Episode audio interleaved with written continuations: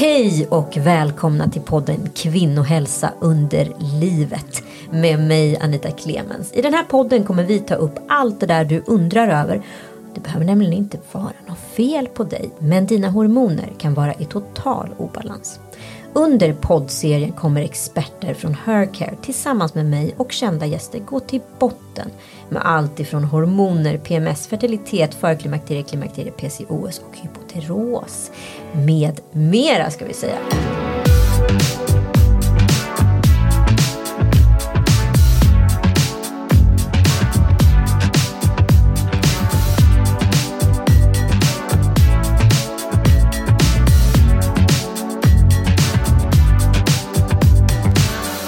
Idag har vi med oss Hercares grundare och hormonguru Mia Lundin.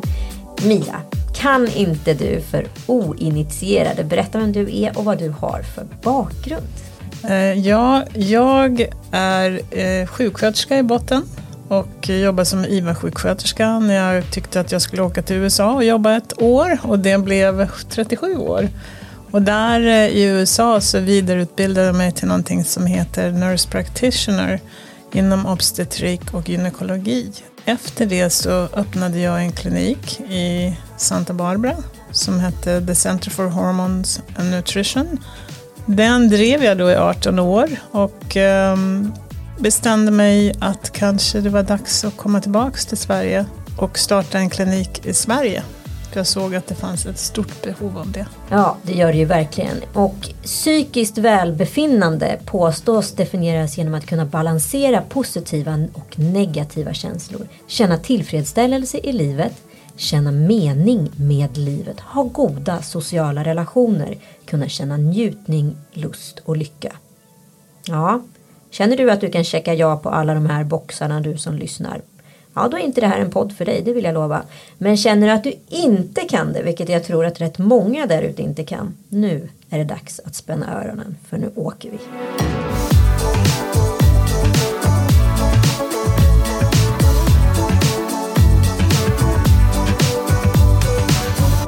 Ja, det pratas mycket om psykisk ohälsa. Hur stor del av befolkningen påstås vara drabbad av det? Ja, en väldigt stor andel av befolkningen här i Sverige mår ju dåligt och uh, det är en tredjedel till hälften av kvinnor upplever att de har besvär av ängslan, oro eller ångest. Samtidigt som den här psykiska ohälsan i Sverige bara ökar och ökar och sjukskrivningarna uh, därefter. 64 miljarder kronor per år påstås det kosta. Hur kommer det då sig att så många kvinnor i ett sådant hälsosamt land som Sverige mår så dåligt? Ja, det är ju en intressant fråga och någonting som jag har frågat mig själv uh, flertalet gånger sedan jag flyttade tillbaka till Sverige efter att ha bott utomlands så länge så såg jag ju det att uh, kvinnorna i Sverige mår inte bra. Och orsaken kan ju vara många, det är det som är grejen att vi måste titta på den underliggande orsaken till varför man mår som man mår istället för bara att ta ett piller för att dämpa symptomen. Ja, ibland behöver man eh, ett piller, kanske en antidepressiv medicin för att eh, klara av verkligheten. Men jag och vi på Hörcare tycker att det är väldigt viktigt att man utvärderar och den underliggande orsaken till varför du mår som du mår. Ja, men, nu måste jag bara hänga med här. Du menar i princip att man kan gå och testa sig, alltså göra blodutredning eller? Ja, orsaker till att man mår dåligt kan ju vara många. Det kan vara att du har, eh, lider av en hormonell obalans. Det kan eh, bero på att du inte tar upp den näring som du faktiskt stoppar i munnen och tuggar i dig. Att eh, din tarm inte mår så bra och tar inte då upp näringen och ger kroppen eh, den näring den behöver för att du ska kunna må bra. Du kanske har brist på B12 eller du kanske har brist på eh, fettsyror. Du kanske har låga värden eh, av signalsubstanser som vi då tillverkar i kroppen eh, med hjälp av olika näringsämnen. Så det kan vara många olika orsaker till att du mår dåligt och eh, man, det är viktigt att man börjar då kanske med att ta ett blodprov för att titta på har, har du järnbrist, har du, låg, har, har du lågt ferritin som är järnförrådet, har du låga D-vitaminvärden vilket är väldigt vanligt här i Sverige under vinterhalvåret i alla fall. Så, eller har du problem uh, med, med magen? Det finns många olika saker man kan utvärdera. Ja men just det, så man behöver inte springa och få antidepp direkt liksom och förutsätta att det är något fel på mig. Som jag vet väldigt många där ute tänker. Ja, det är ju lite grann vad som erbjuds ofta istället för att kanske utvärdera Eh, orsaken till varför du mår som du mår. Ja, det här är lite problemet som jag i alla fall upplever. Jag har liksom en allmänläkare och sen har jag en gynekolog och det verkar inte som att de två eh, pratar med varandra och de är inte ens stationerade på samma eh, institution. Och det är väl lite det som är grymt med Haircare skulle jag säga personligen efter jag börjar gå och ser att ni har allt under samma tak och alla pratar med alla. Allt hänger ihop. Ja, det, jag tycker också inte bara att äh, träffa någon för att utvärdera underliggande orsaker utan att vi kanske ska gå på en hälsokontroll varje år. Precis som att ta in bilen för bilbesiktning men vi tar inte in oss själva för någon besiktning för att den typen av vård finns inte riktigt här, den här förebyggande vården. Men vilka är det som jobbar på Herke då? Vad har vi för team? Vi har ett team av allmänläkare, mm. gynekologer, näringsterapeuter, sjuksköterskor, barnmorskor och en samtalsterapeut. Underbart.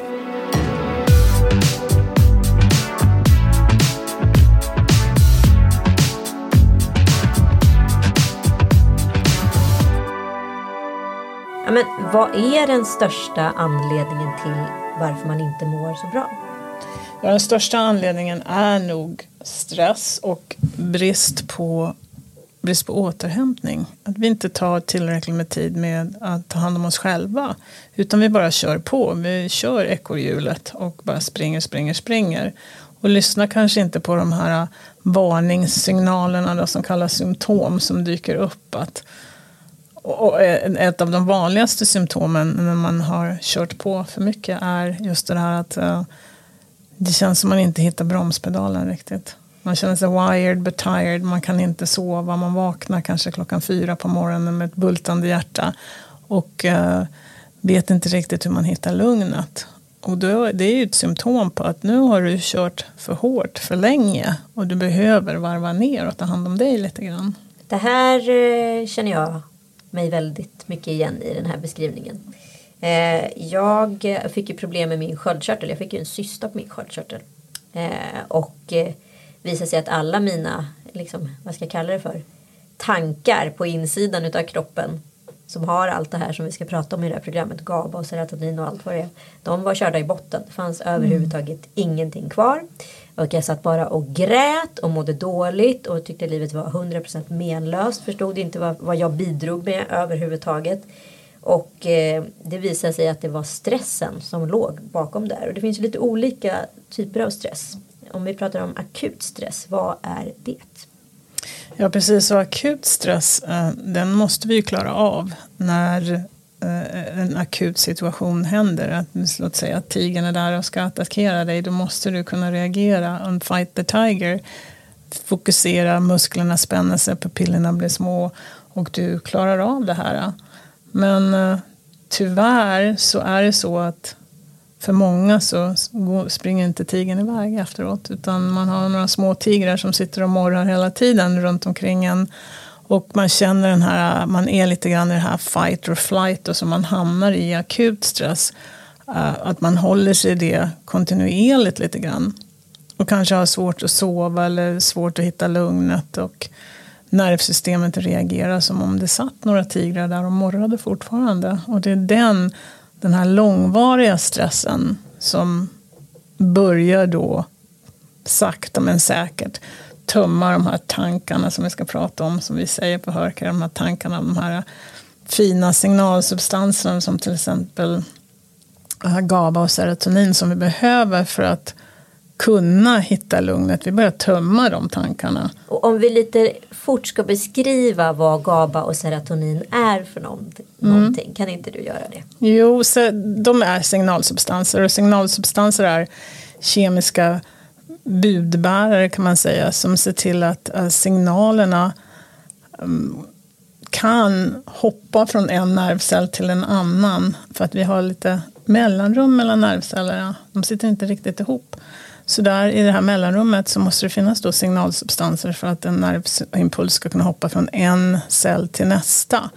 Och de kallas då synapser, de här mellanrummen, och i dem finns signalsubstanserna. Och de här eh, två som vi pratar om nu väl de som är mest kända, serotonin då som har du tillräckligt av serotonin så känner du dig lugn och harmonisk och tillfreds. Men har du inte tillräckligt så kan du börja må dåligt och då får du symptom som oro, ångest, panikattacker, svårt att sova, um, oro i kroppen. Du känner att du kan inte riktigt hitta bromspedalen. GABA, vad är det då? GABA är, är ännu mer lugnande faktiskt än serotoninet och uh, vi använder upp det också under stress. Under initial stress eller under pågående stress. Så att när det sjunker så blir du också lättare orolig och får lättare ångest. Men det är ju inte så att de här ämnena inte finns att tillgå i naturen. Det finns tydligen i rätt mycket kost. Det är bara att vi inte vet om att vi behöver ha den. Ja precis och det är ju så att vi har, vi kan inte bara köra på och inte fylla på de här tankarna då, som vi kallar det. För att det finns, vi har ingen självgående liten serotoninfabrik i kroppen som bara tillverkar mer serotonin för att det behövs just nu. Utan vi måste ge kroppen vad den behöver för att kunna tillverka de här signalsubstanserna. Som för serotonin till exempel. Där är det jätteviktigt att man först och främst får solljus in i pupillen. Vilket är lite svårt så här under vinterhalvåret här i Sverige. Att man äter tillräckligt med protein och att man sen kan bryta ner det i mag-tarmkanalen. För att en av de här um, proteiner bryts ner till aminosyror och en av dem är tryptofan. Och mm, tryptofan då tillsammans med vissa andra näringsämnen som B-vitaminer och magnesium och till viss del D-vitamin är jätteviktigt för att vi ska kunna tillverka, att vi, får, att vi har det i kroppen i tillräcklig mängd för att kunna tillverka de här, speciellt serotoninet då. Ja, och jag la ju om egentligen hela min kost från ett, ett halvt år sedan, eh, sedan jag började den här utredningen. För det hjälpte inte bara att fylla på med Levaxin i mitt fall, vilket man kanske tror kan hjälpa, utan nu äter jag även D-vitamin och sen så är det rätt mycket i kosten och i hälsotillskott som jag tar. Och det blir, jag kan säga att jag har inte mått så här bra på ja, kanske tio år. Härligt. Ja, och det, det, det är svårt att beskriva en känsla av att inte vakna med ångest, oro, frekvent liksom stress i kroppen. Och också lär jag mig att hantera befintlig stress bättre. Mm. Ja, jag blir nästan, ja jag ska inte prata om det, jag börjar lipa typ. Kronisk stress, om vi går in på det, vad, vad är det för skillnad på det och akut stress? Ja, det är den här kroniska stressen eller akuta stressen som till viss del fortsätter. Att du hamnar, att du fortsätter att befinna dig i den här fly eller fäkta eh, känslan. Och den klarar man ju av ett visst antal månader tills det börjar då ta slut i de här tankarna av speciellt serotonin. Och vad som händer då är att först och främst så börjar ditt hormonella system att svaja. För att vi, våra hormoner, våra kvinnliga hormoner och våra, den här fina symfonin som spelar varje månad. Mm, de här hormonerna produceras av våra äggstockar, östrogen och sen progesteron efter ägglossning och till viss del testosteron. Ett väldigt eh, fint mönster för att du ska då kunna bli gravid. Och det här gör vi ju 450 gånger under livet ungefär. Och den där symfonin spelar ju för att du då ska vara förberedd på en graviditet. Den här symfonin spelar, låter inte så fin när vi stressar utan vi får, det, stressen orsakar obalanser i det här hormonella systemet och vi mår därefter vilket vi kommer att prata mer om i andra program som om PMS och förklimakteriet. Precis, man ska Men, lyssna på alla program i den här programserien för att förstå det här. För den här kunskapen är så viktig för oss att ha och vi kan, det betyder att vi kan få rätt mycket självhjälp. Så det här med eh, att hormonerna då hamnar i obalans är egentligen på sätt och vis en försvarsmekanism. För att det är inte meningen, det är inte läge för dig att bli gravid just nu när du springer och springer från tigern. Så då, därför så är det nästan som man drar ur kontakten till äggstockarna från hjärnan till äggstockarna och nu blir det inte så mycket ägglossning längre och du kommer också kanske inte må så bra. Men den andra som händer är också att en annan kontakt dras ut om man nu ska förenkla det hela. Det här är väldigt komplext men för att förenkla det hela så dras också kontakten ut till dina binjurar. Och det är bin, dina binjurar som producerar kortisol, stresshormonet. Och när du då har stressat för länge så är det dags att dra ut den kontakten också för annars skulle du om du bara skulle springa och springa det här ekorrhjulet så skulle du till slut slungas ut ur ekorrhjulet och uh, det skulle inte bli så bra. Hamnar i någon form av förklimakterie då? Nej, då hamnar du kanske på akuten med en hjärt, hjärtinfarkt istället. så att eh, det är bättre att kroppen nu säger ifrån att nu, har du, nu är det dags att sluta. Nu ska jag se till så att du blir riktigt trött så du faktiskt går och lägger dig. För du kommer inte kunna göra något annat än gå och lägga dig nu.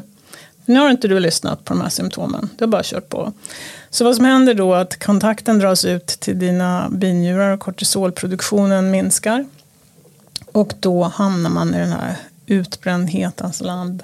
Uh, där man då vaknar på morgonen och har, tycker man har sovit men man vaknar och känns som man aldrig har sovit under natten. Man är lika trött som man gick och la sig.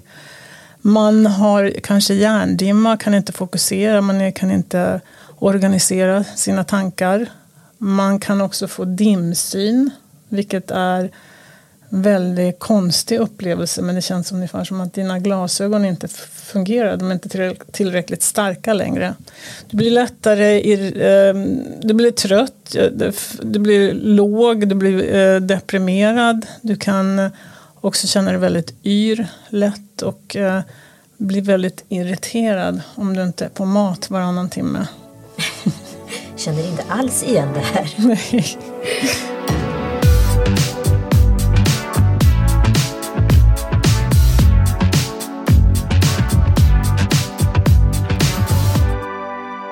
Även om det här är en isolerad liksom, upplevelse i kvinnan eller som det var i mig så kan ju inte jag neka till att det inte påverkade liksom, mina relationer både till liksom, min partner men också till mina barn. Jag var lättirriterad, jag var jätteglad ena sekunden och nästan hypermanisk. Under tiden andra sekunden kunde jag sitta och grina och tycka att livet är meningslöst och jag är en usel mamma.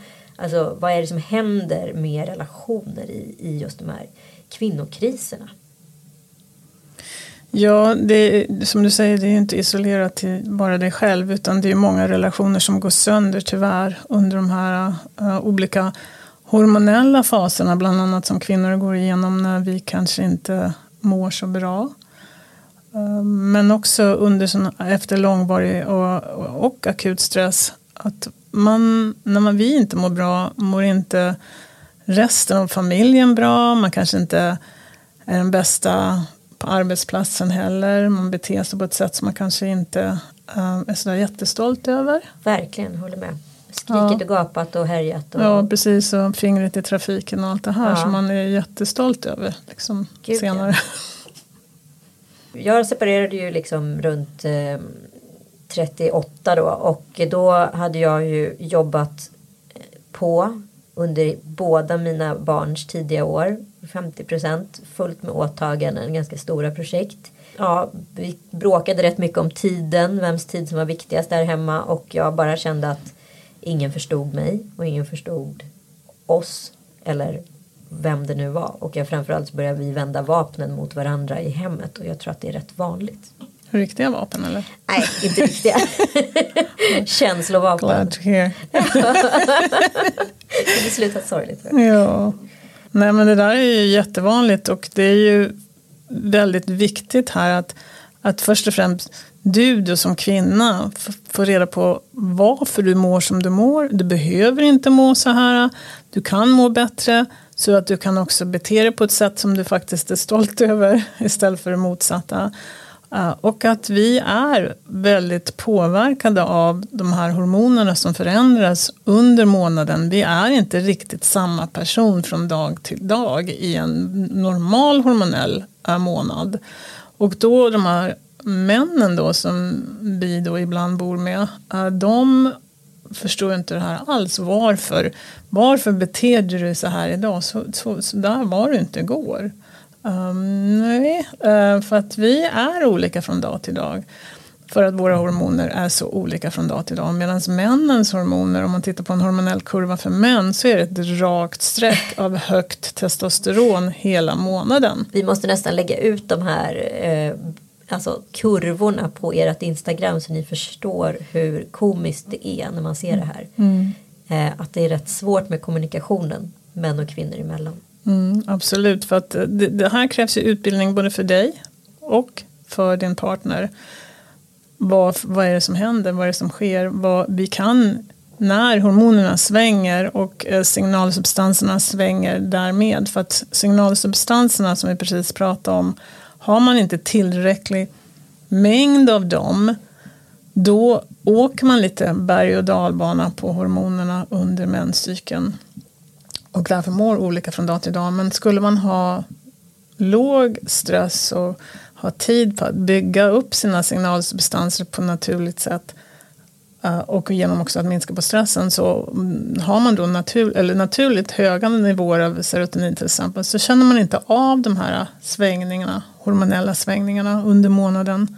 Och det är de som säger men vadå PMS skärp det. Mm. Det, bara, det bara skärpa sig. Det där är ju, det finns inte och det är de kvinnor då som kanske faktiskt är så lyckligt lottade att de har höga nivåer av de här signalsubstanserna och inte känner av de hormonella svängningarna. Precis, man får vara lite försiktig med vad man fäktar med helt enkelt. Mm.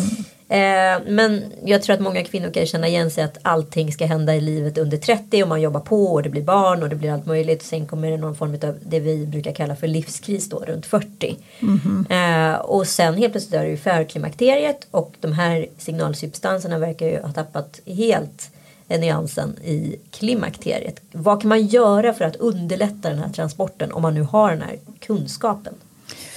Ja, det är ju att först och främst minska på stressen och ge kroppen den näring den behöver för att uh, kunna då tillverka de här signalsubstanserna. Se till att tarmen mår bra för att det är där du producerar 80-90% av serotoninet. Serotoninet är i din tarm.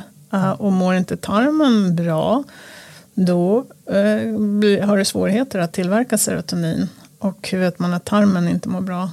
Ja, du ska ju tugga i dig maten, svälja den och sen ska du inte känna så mycket mer om den där maten förrän det är dags att gå på toaletten.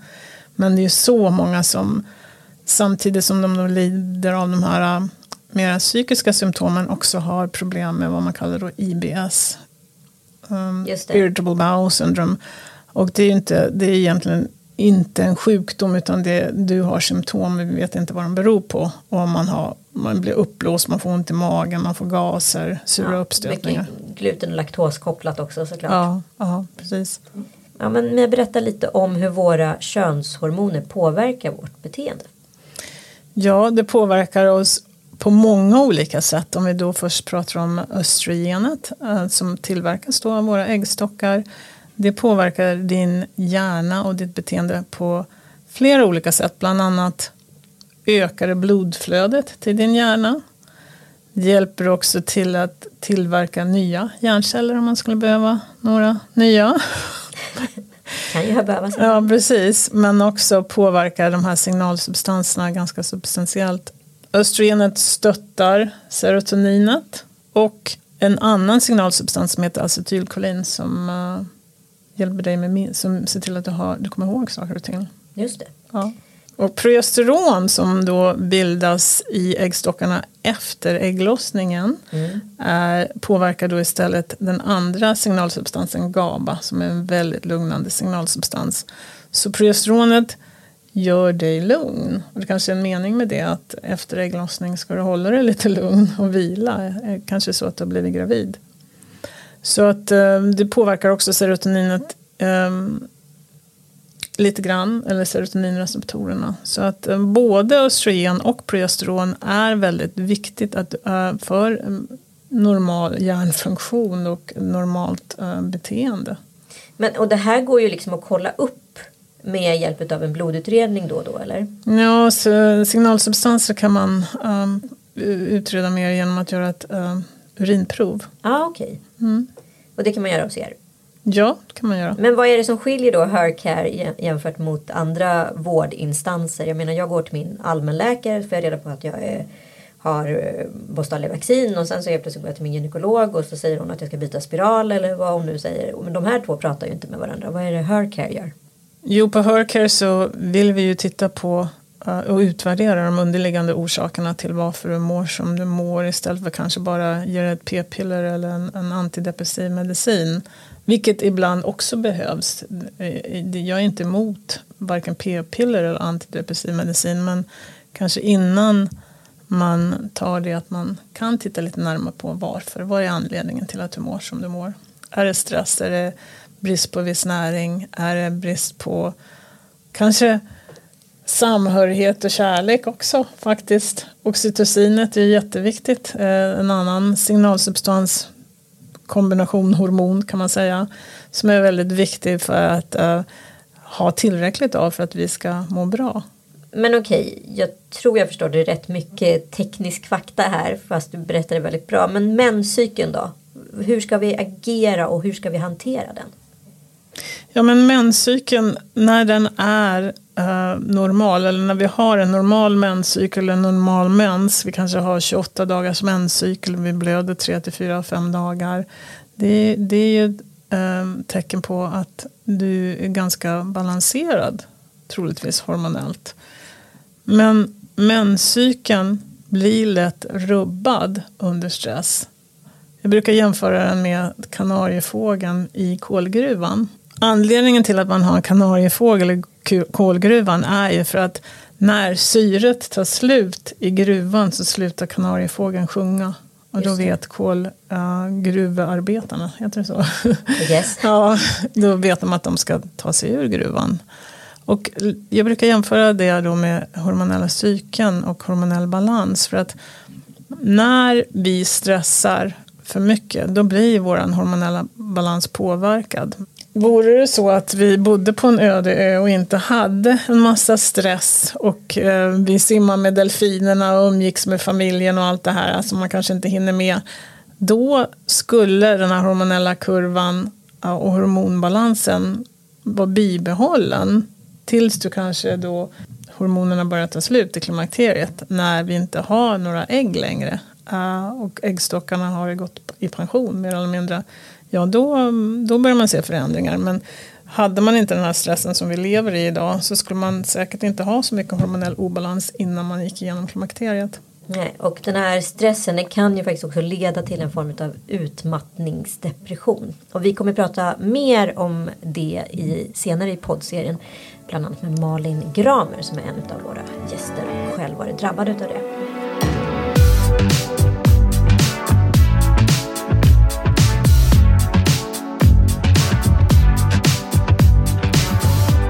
Men som det är idag, den stressen som vi lever under, så är det så här att som, precis som du sa, i 30-årsåldern, då kör vi på. Mm. Då vi, ska vi ta hand om allt och alla. Starta och, företag och skaffa ja. barn och gifta oss och köpa ja. tre 18 nya lägenheter. Ja, sommarhus. Och så ska det se fint ut också. Exakt, ja, det är trevligt på Instagram. Ja, Nej, men så är det ju. Mm. Och, uh, för många då så håller det här den hormonella balansen och eh, tankarna av signalsubstanser håller sig något sånär fulla. Men sen när man kommer in i 40-årsåldern då funkar inte det, den där livsstilen stilen så bra längre. Hormonerna, eller hormonerna, hormonerna hamnar i obalans och kroppen säger ifrån.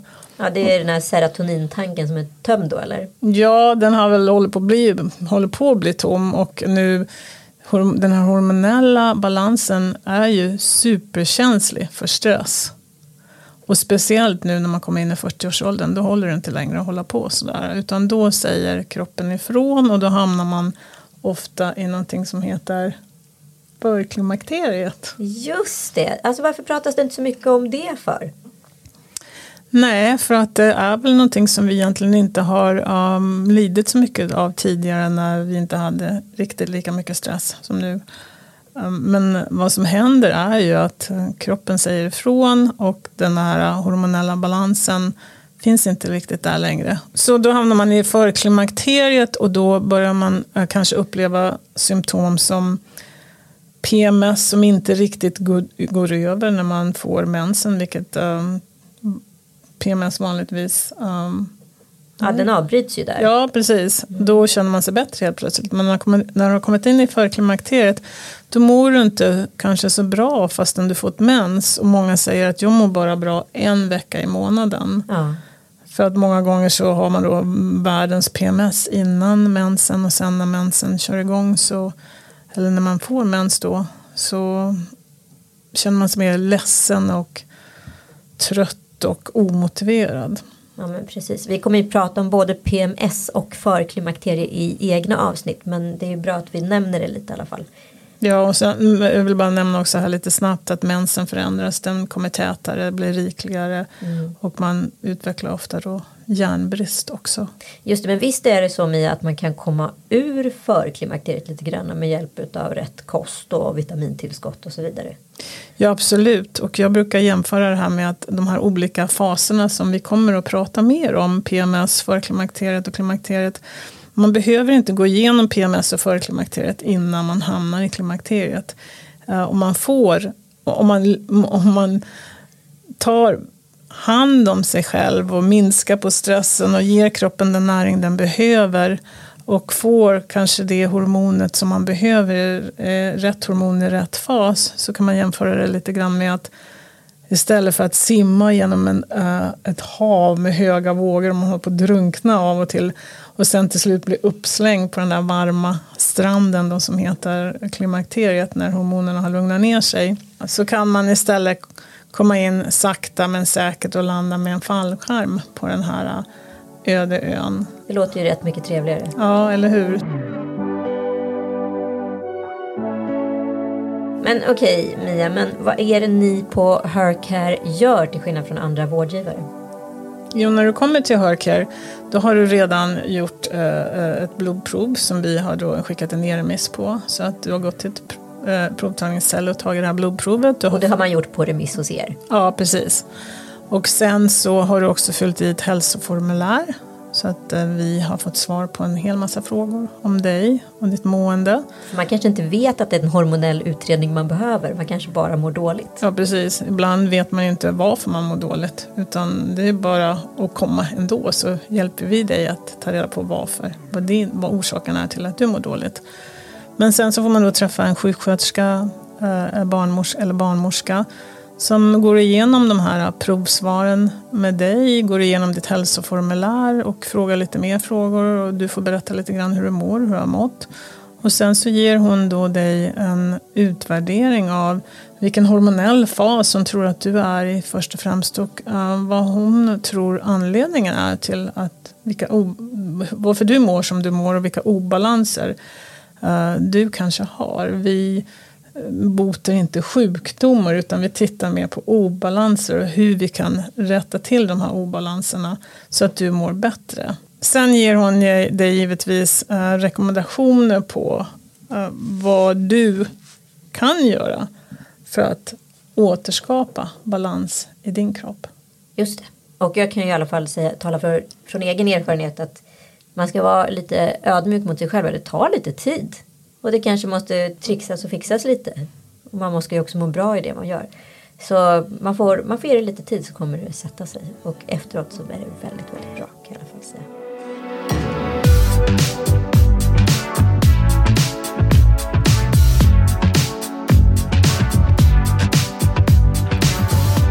Vi har faktiskt fått in lite lyssnarfrågor innan vi avrundar helt här som vi ska avsluta med. Hej Mia! Jag känner mig så stresskänslig med en fruktansvärd oroskänsla i kroppen. Alla säger att jag ska börja med, med meditation eller yoga men jag bara vet att jag inte kommer klara av det. Och varför känner jag så här? Jo, det där är jättevanligt. Så att hon, hon har säkert stressat under en längre tid och tömt sin tank på både serotonin och GABA och då mår man just så. Och då är det nästan omöjligt att sätta sig ner i, sin e i sina egna tankar för att de rusar ju runt. Det, finns, det går inte att få tyst eh, på hjärnan helt enkelt. Så att det där är ju jätteviktigt att man också gör det, men till att börja med så kanske man måste fylla på de här tankarna först. Se, återskapa balans, både hormonell balans och balans i signalsubstanserna. För att, man, för att lugnt, hjärnan ska lugna ner sig och man faktiskt ska kunna klara av att sitta tyst. Och både, om man nu tycker om det, gå på yoga eller uh, då meditera. Men det är viktigt att man får kanske lite hjälp först innan man kan klara av det. Jag har hört att man kan öka sin signalsubstans serotonin på ett naturligt sätt. Är det sant? Ja, absolut. Och kanske allra viktigast är att man ser till att inte den här tanken töms för fort och att man minskar på stressen. Uh, vilket vi kommer att prata mer om. Så det räcker inte bara att trycka i sig protein och fortsätta stressa? Alltså?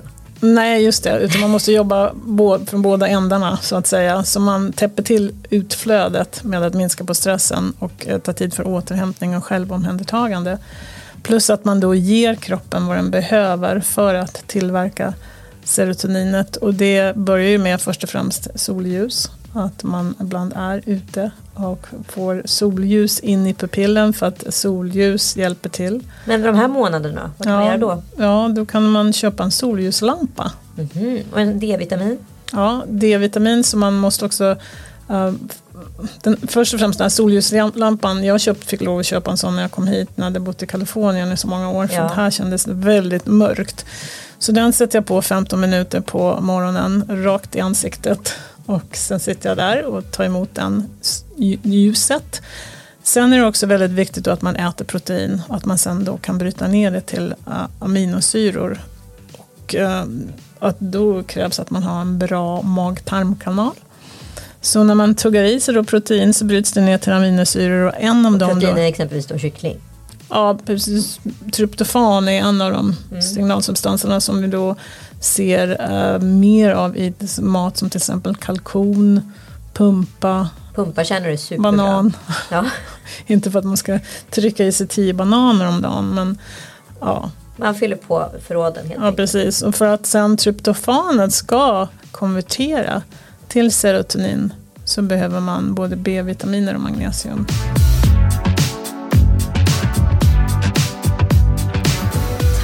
Snälla för att ni har lyssnat och ni som är intresserade av att ställa fler frågor till Mia om alla de här ämnena vi kommer ta upp i podden. Det är bara att ni skickar DM på hercare.ses Instagram. Eh, då kan ni bara märka ämnet i ämnesraden som vi ska prata om. Och vi kommer prata om allt från hysterektomi PMS, förklimakterie, klimakterie, sexlust, självomhändertagande, utmattning. Massa, massa ämnen och ni får gärna skicka in förslag själva om det är något ni vill att vi ska ta upp. Okej Mia, men för att summera det, vad skulle man kunna säga då? Kvinnohälsa med helhetssyn det är ju eh, egentligen att titta på de underliggande orsakerna. Ge din kropp vad den behöver för att kunna fungera bra och ta bort det som blockerar den här funktionen. Jag tycker det är så otroligt viktigt att göra den här podden och jag tycker det är så skönt att få det här utrett för jag vet utav egen erfarenhet och jag vet också att det finns väldigt många kvinnor där ute som lider i det tysta. Alla åtgärder och metoder kommer vi att prata om i kommande veckor och eh, snart ska vi prata om utmattning också tillsammans med dig och Malin Gramer. Och vad gör man egentligen när inga hormoner längre finns att tillgå? Eh, det pratar vi med Mia Parnevik om snart. Vill man veta mer eller boka tid hos Hercare, eh, då kan man besöka deras hemsida på hercare.se. Vill du få bättre koll på din cykel eller få tips och råd? Ja, då skulle jag rekommendera att ladda ner Hercares app. Jag tycker den är grym och har stor användning av den här. Man kan liksom logga sin cykel och få bättre koll på hur man kommer må. Kan vara ett tips till ens partner också. Mia, vill du ha några avslutande ord? Ja, jag vill också bara lägga till att mår man fruktansvärt dåligt så ska man söka vård och då ska man inte hålla på och försöka fylla på sin egen lilla serotonintank. Nej, det är kanske är viktigt att förtydliga. Det. Ja, med naturliga medel utan då är det viktigt att man söker hjälp och äh, kanske får medicinering för att äh, klara av det här. Klara ja. sin stress och sitt mående. Tack snälla för att ni har lyssnat. Vi hörs om en vecka.